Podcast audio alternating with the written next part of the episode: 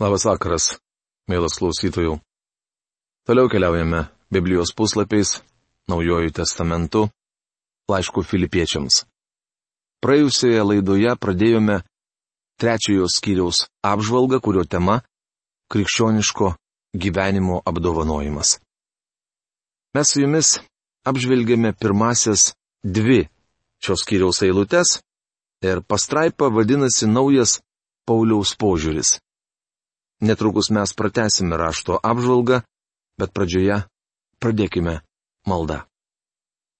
Dangaus Dieve, mes dėkojame tau, kad turime nuostabią galimybę kasdieną atsiversti šventojo rašto puslapius ir girdėti tave prabylantį, kada mes juos skaitome, kada mes apie juos mastome, kada mes užduodame tau klausimus, į kuriuos tu viešpate visada esi pasiruošęs atsakyti.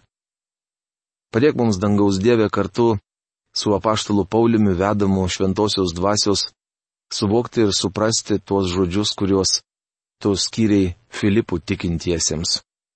Mes žinome, jog visas raštas yra naudingas visiems tikintiesiems pamokyti. Todėl prašau, kad tavo žodis veiktų kiekvieno žmogaus širdyje. Palaimink šį vakarą. Atverk tavo žodžio supratimą kiekvienai sielai, kuri dar tavęs nepažįsta, ir padėk suprasti kiekvienam, kuris jau padaręs apsisprendimą keliauti šio gyvenimo keliu su tavimi. Pameldžiu Jėzaus Kristaus vardu. Amen. Taigi naujas Pauliaus požiūris. Priminimui perskaitysiu pirmasias dvi jau praėjusioje laidoje išnagrinėtas eilutes. O šiaip jau mano broliai, džiaukitės viešpatyje. Man rašyti vis tą patį nesunku, o jums tai pastiprinimas. Sergėkitės šunų, sergėkitės netikrų darbininkų, saugokitės apipjaustelių. Filipiečiams laiško trečios kiriaus pirmą antrą eilutės. Ir šios dienos pirmoji mūsų nagrinėjama eilutė. Tikrieji apipjaustytieji esame mes, kurie tarnaujame Dievui jo dvasia, didžiuojamės Kristumi Jėzumi ir pasitikime ne kūnu. Filipiečiams laiško trečios skyriaus trečia eilutė. Ką Paulius nori pasakyti, teikdamas apipjaustytieji esame mes? Laiško Galatams šeštos skyriaus penkioliktoje eilutėje jis rašo. Juk nieko nereiškia nei apipjaustimas, nei neapipjaustimas, bet vien tik naujas kūrinys. Tai reiškia, Dievas nežiūri vien į išorinės apipjaustimo apeigas, nes tikrasis apipjaustimas atliekamas širdyje. Tai yra naujas gimimas, nauja širdies nuostata Dievo atžvilgiu. Tikrasis apipjaustimas yra buvimas Kristuje. Vėliau apaštalas Paulius rašo, kad pasitikime ne kūnu. Tai reiškia, mes nepasikliaujame savo senąją prigimtimi, bet vien tik Kristumi. Ne vienas nepajėgus išgelbėti savęs ir vadovaudamasis senąją prigimtimi negali gyventi krikščioniškai. Tikriausiai, kai Paulius išvykdavo į misionierišką kelionę, jam iš paskos sekdavo įstatymo tarnai. Palaukia, kol apaštalas paskelbęs Evangeliją vienoje srityje išvyks į kitą, jie susitikdavo su naujatikiais ir kreipdavosi juos maždaug tokiais žodžiais. Žinome, jog brolis Paulius teigia, kad neturime pasitikėti kūnų, ritualais bei aukomis. Jis sako, kad įstatymas negali mūsų išgelbėti. Tačiau žinokite, kad jis tai kalba todėl, kad neturi tokių gilių judaizmo šaknų kaip mes. Jis tai skelbia, nes yra neišprusęs ir nepajėgia vykdyti įstatymo reikalavimų. Tad nieko nuostabaus, kad Paulius nepasitikė kūnu. Tačiau apaštalas paneigia tokius nepagristus tvirtinimus. O juk aš galėčiau pasitikėti ir kūnu, jei kas nors tarėsi galys pasitikėti kūnu, tai aš pirmutinis. Filipiečiams laiško trečios kiriaus ketvirtą eilutę. Paulius sako, Jei kas ir gali pasitikėti kūnu, tai aš pirmutinis. apaštalas prisipažįsta, jog buvo religingesnis už bet kokį kitą žmogų. Jis išvardė septynis dalykus, kuriais anksčiau pasitikėjo. Visus juos galima pavadinti vienu žodžiu - religija. Jei kas ir būtų galėjęs išsigelbėti, vykdydamas religinius ritualus, tai pirmiausia, Saulis iš Tarso. Aštuntą dieną apipjaustytas, kilęs iš Izraelio tautos Benjamino genties, hebrajas iš hebrajų, įstatymo besilaikantis fariziejus, uolus bažnyčios persekiotojas, be priekaištų vykdęs įstatymo reikalaujamą teisumą. Filipiečiams laiško trečios kiriaus penkta, šešta eilutės. Žmonės ir šiandien to didžiuojasi, tačiau ne vienas iš čia paminėtų dalykų negali jų išgelbėti. Taigi pažvelkime atidžiau, kuo anksčiau pasitikėjo apaštalos Paulius. Pirma. Aštuntą dieną apipjaustytas. Kaip žinome, pagrindinis Mozės įstatymo ritualas buvo apipjaustimas. Suprantama, kad Paulius negalėjo aštuntą gyvenimo dieną išlipti iš lopšio ir nueiti iki šventyklos ar sinagogos, kad būtų atliktas apipjaustimas. Akivaizdu, kad dievo baimingi Pauliaus tėvai patys laikėsi Mozės įstatymu ir pagal jį auklėjo savo vaikus. Tikriausiai prisimenate, kad viešpats Jėzus taip pat turėjo dievotus tėvus, kurie aštuntą dieną nunešė jį į šventyklą apipjaustyti. Kai buvau jaunas tarnautojas, nerimavau dėl to, kad užaugau nekrikščioniškoje šeimoje. Mano tėvas dažnai gerdavo ir niekada neperžengdavo bažnyčios lenkščio. Nors jis pats buvo griežtai nusistatęs prieš bažnyčias, mane vertė lankyti sekmadieninę mokyklą. Beje, esu jam už tai dėkingas. Tačiau namuose niekada nemačiau Biblijos ir negirdėjau maldų. Įstojęs į seminariją, net nežinojau Biblijos knygų pavadinimų. Tuo tarpu vaikinai augę krikščioniškose šeimose atrodė iš tiesų daug žinantys. Visuomet jaučiau, kad jie už mane pranašesni. Tačiau Pauliaus situacija buvo kitokia. Jis galėjo pasakyti, buvau apipjaustytas aštuntą dieną. Tai reiškia, kad jis turėjo dievotus tėvus. Antra. Kilęs iš Izraelio tautos.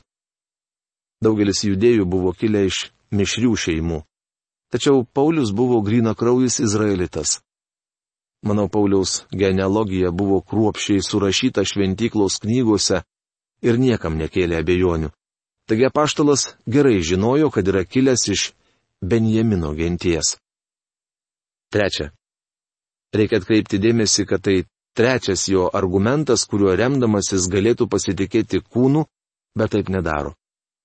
Sakydamas, kad yra kilęs iš Benjamino genties, jis tarsi sako, jog priklausė geriausiai giminiai.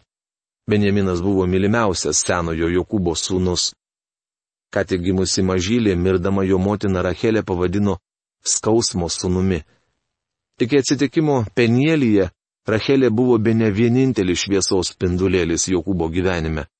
Jos netektis suteikė daug skausmo Jokūbui, todėl jis pavadino berniuką dešinės sūnumi.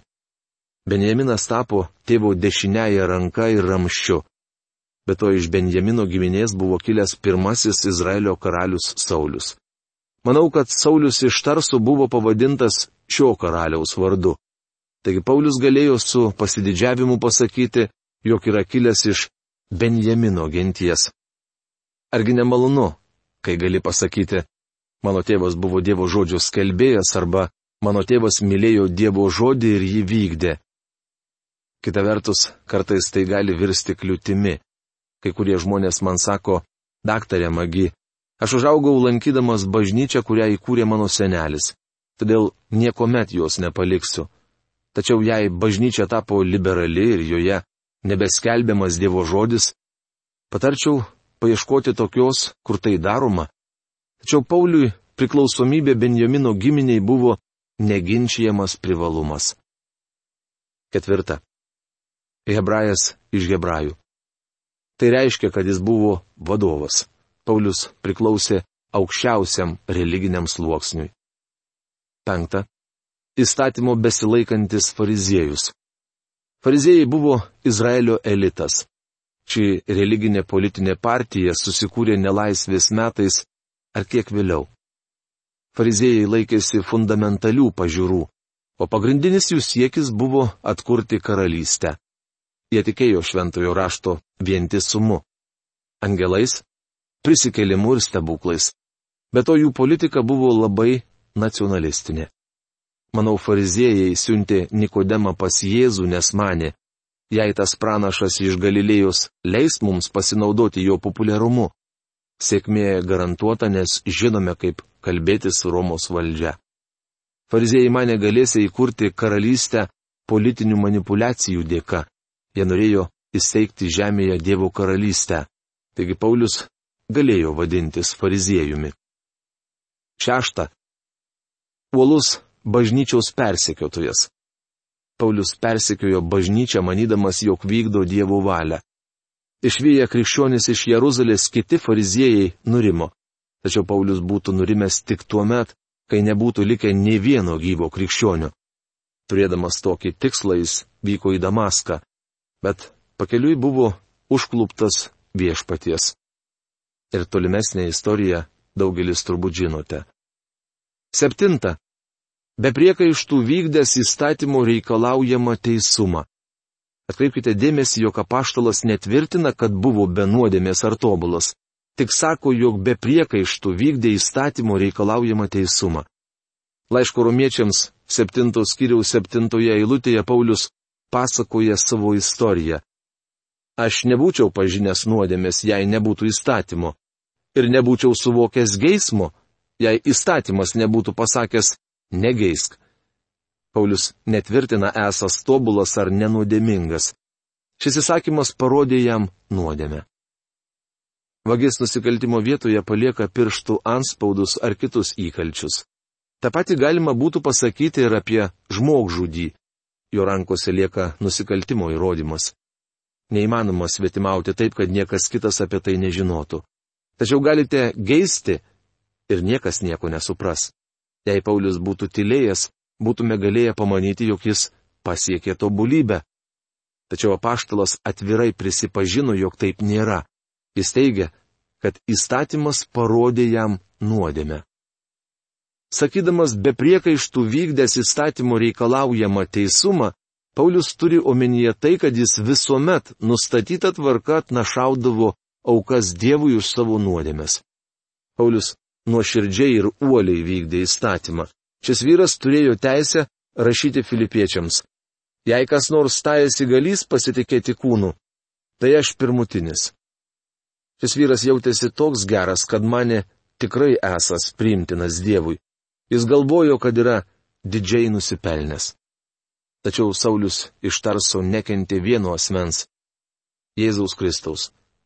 Degdamas neapykantą jam, uolusis fariziejus stengiasi išnaikinti ir jo pasiekėjus.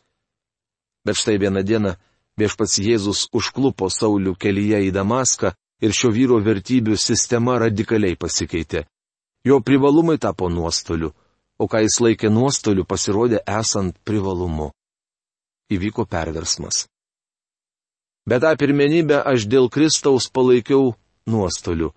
Filipiečiams laiško trečios skyriaus septinta eilutė. Kitados savo kilmę, būdą ir religiją Paulius laikė privalumais. Žmogiškų požiūrių jo privalumų sąrašas buvo iš tiesų įspūdingas. Tačiau sutikęs Jėzų Kristų jis liovėsi pasitikėti šiais dalykais ir staiga jie tapo nuostoliu. Anksčiau Paulius nekentė Kristaus ir keliavo į Damaską, persekiodamas jo pasiekėjus. Tačiau dabar tas, kurio jis nekentė, tapo pirmenybė. Paulius ėmė pasitikėti vien viešpačiu Jėzumi Kristumi. Bičiuli, jei panašus perversmas įvyktų mūsų šalies vertybių sistemoje, turiu omenyje Ameriką, tai padarytų nepaprastą poveikį pasaulio ekonomikai. Galima sakyti, kad įvyktų revoliucija. Iš tikrųjų, kiekvienas atsivertimas yra revoliucija, nes pirmenybė tampa nuostoliu, o nuostolis pirmenybė. Viskas apsiverčia aukštinkojom, o tiksliau aukštyn galva, nes dabar viskas yra aukštyn kojom. Žmogus į viską pradeda žiūrėti kitaip. Štai kas yra atsivertimas. Septinta ir aštunta eilutes skiria kažkoks laiko tarpas. Nežinau koks, bet manau jis apima visą Pauliaus gyvenimą nuo atsivertimo iki tos valandos, kai jis rašė šį laišką. Paulius grįžo iš paskutinės misijų kelionės ir dabar įkalintas Romoje. O taip, aš iš tikrųjų visą laikau nuostoliu palyginti su Kristaus Jėzaus mano viešpaties pažinimo didybę. Dėl jo aš ryžausi visko netekti ir viską laikau sąšlavomis, kad tik laimėčiau Kristų. Filipiečiams laiško trečiaus skyriaus aštunta eilutė. Pauliaus atsivertimas nebuvo akimirką trunkantis veiksmas. Mielas bičiuli, daugeliu žmonių atrodo, kad užtenka bažnyčioje išeiti į priekį, kažką išgyventi ir išvysti regėjimą. Bičiuli, atsivertimas yra tai, kas trunka akimirką, bet tęsiasi visą gyvenimą. Pašventinimas taip pat nėra didelis emocinis išgyvenimas. Tai kasdienė priklausomybė nuo Dievo. Paulius sako, jog nuo pat atsivertimo akimirkos gyvena dėl Kristaus. Jis ryžosi visko netekti. Labiausiai šiam vyrui rūpi Kristus. Visą, ką kitą dos vertino, dabar Paulius vadina sašlavomis, o tiksliau mėšlu. Paulius palaikė mėšlų viską, kuo anksčiau pasitikėjo. Dabar jis įsitikinęs, kad jį išgelbėti gali tik viešpats Jėzus. Koks nusistatymas. Pamenu daktarą Kerolą sakant, atsivertęs, palikau savo religiją. Daugeliu žmonių reikia palikti religiją ir atrasti Jėzų Kristų, kaip atsitiko Pauliui. Šio vyro mintise įvyko perversmas. Visa, kuo jis kitados didžiavosi, dabar atsidūrė šiukšlių dėžėje. Toliau Paulius paaiškina, kas atsitiko. Dėl jo aš ryžausi visko netekti ir viską laikau sąšlavomis, kad tik laimėčiau Kristų. Ir būčiau jame nebeturėdamas nuosavo teisumo, kurį teikia įstatymas bet turėdamas teisumą iš tikėjimo Kristumi, einantį iš Dievo, paremta tikėjimu. Filipiečiams laiško trečios skyrius devinta eilutė. Šie paštalo žodžiai iškilo Džono Bunjano mintyse, kai vieną vakarą jis ėjo per javų lauką ir mąstė, kaip išstovės Dievo akivaizdoje. Jis sakė, jog staiga išvydo save ne tik kaip nusidėjėlį, bet kaip nuodėmę nuo galvos iki kojų. Bunjenas suprato, jog jis neturi nieko, o Kristus turi viską. Paulius rašo Filipų tikintiesiems, kad nebeturi nuosavo teisumo, nes jo teisumas buvo paremtas įstatymų vykdymu.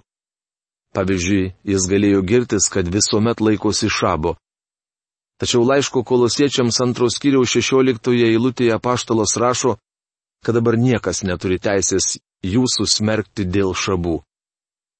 Bičiuli, aš galėčiau puikuotis tuo, kad man tenka labai dažnai pamokslauti, ar kad rengiu kasdieninės radio programas.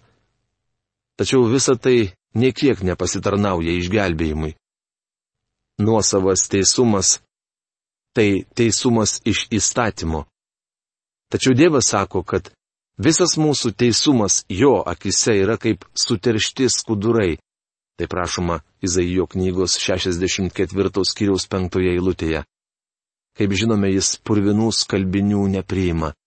Jis priima purvinus nusidėjėlius ir juos nuprausia. Paulius buvo išsižadėjęs bet kokio nuosavo teisumo. Prieš daugelį metų kalbėjau vienai Hollywoodo krikščionių grupiai. Prisimenu, ten buvo jaunų atsivertusių žmonių pora. Prieš mano pamokslą šį porą buvo paprašyta paliudyti. Jie pasakė, jog dabar atsivertę, ketina panaudoti savo nepaprastą talentą viešpaties garbiai. Baigę savo pamokslą nusprendžiau išgerti su jais kavos. Tuomet tariau. Man vis neduoda ramybės vienas klausimas. Jūs sakėte, kad ketinate panaudoti savo nuostabų talentą Jėzaus garbiai. Kiek žinau, iki šiol jūs šokote, dainavote ir pasakojote istorijas naktiniuose klubuose. Ar manote, kad Jėzus galėtų tai panaudoti? Jie atsakė, jog ne tai turėjo omenyje. Tuomet aš tiesiau. Klausykite, mes ateiname pas Kristų kaip beviltiški nusidėjėliai, neturintys ką jam pasiūlyti. Ateiname pas jį tuščiomis, kaip elgetos. Jūs neturite nieko, o jis turi viską ir siūlo tai jums. Mielas bičiuli, įsidėmėkite šios Pauliaus žodžius.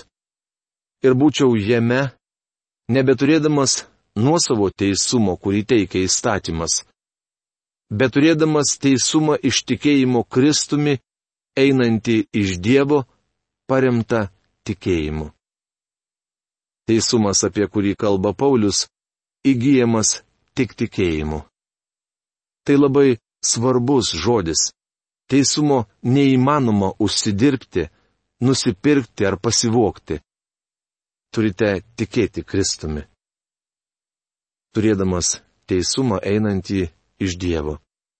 Mirdamas ant kryžiaus, Kristus panaikino jūsų nuodėmės. Jis prisikėlė iš numirusių jums nuteisinti, tai yra padaryti jūs teisų. Bičiuli, Dievas net negali pakesti mūsų, kol nesame atgimdyti. Mes nesame jam patrauklus. Nuostabiausia, kad jis pamilo mus ir atidavė save už mus. Mes priimtini mylimajame. Mielas klausytojų, šiais žodžiais šios dienos laidą baigiame. Iki malonaus sustikimo. Sudė.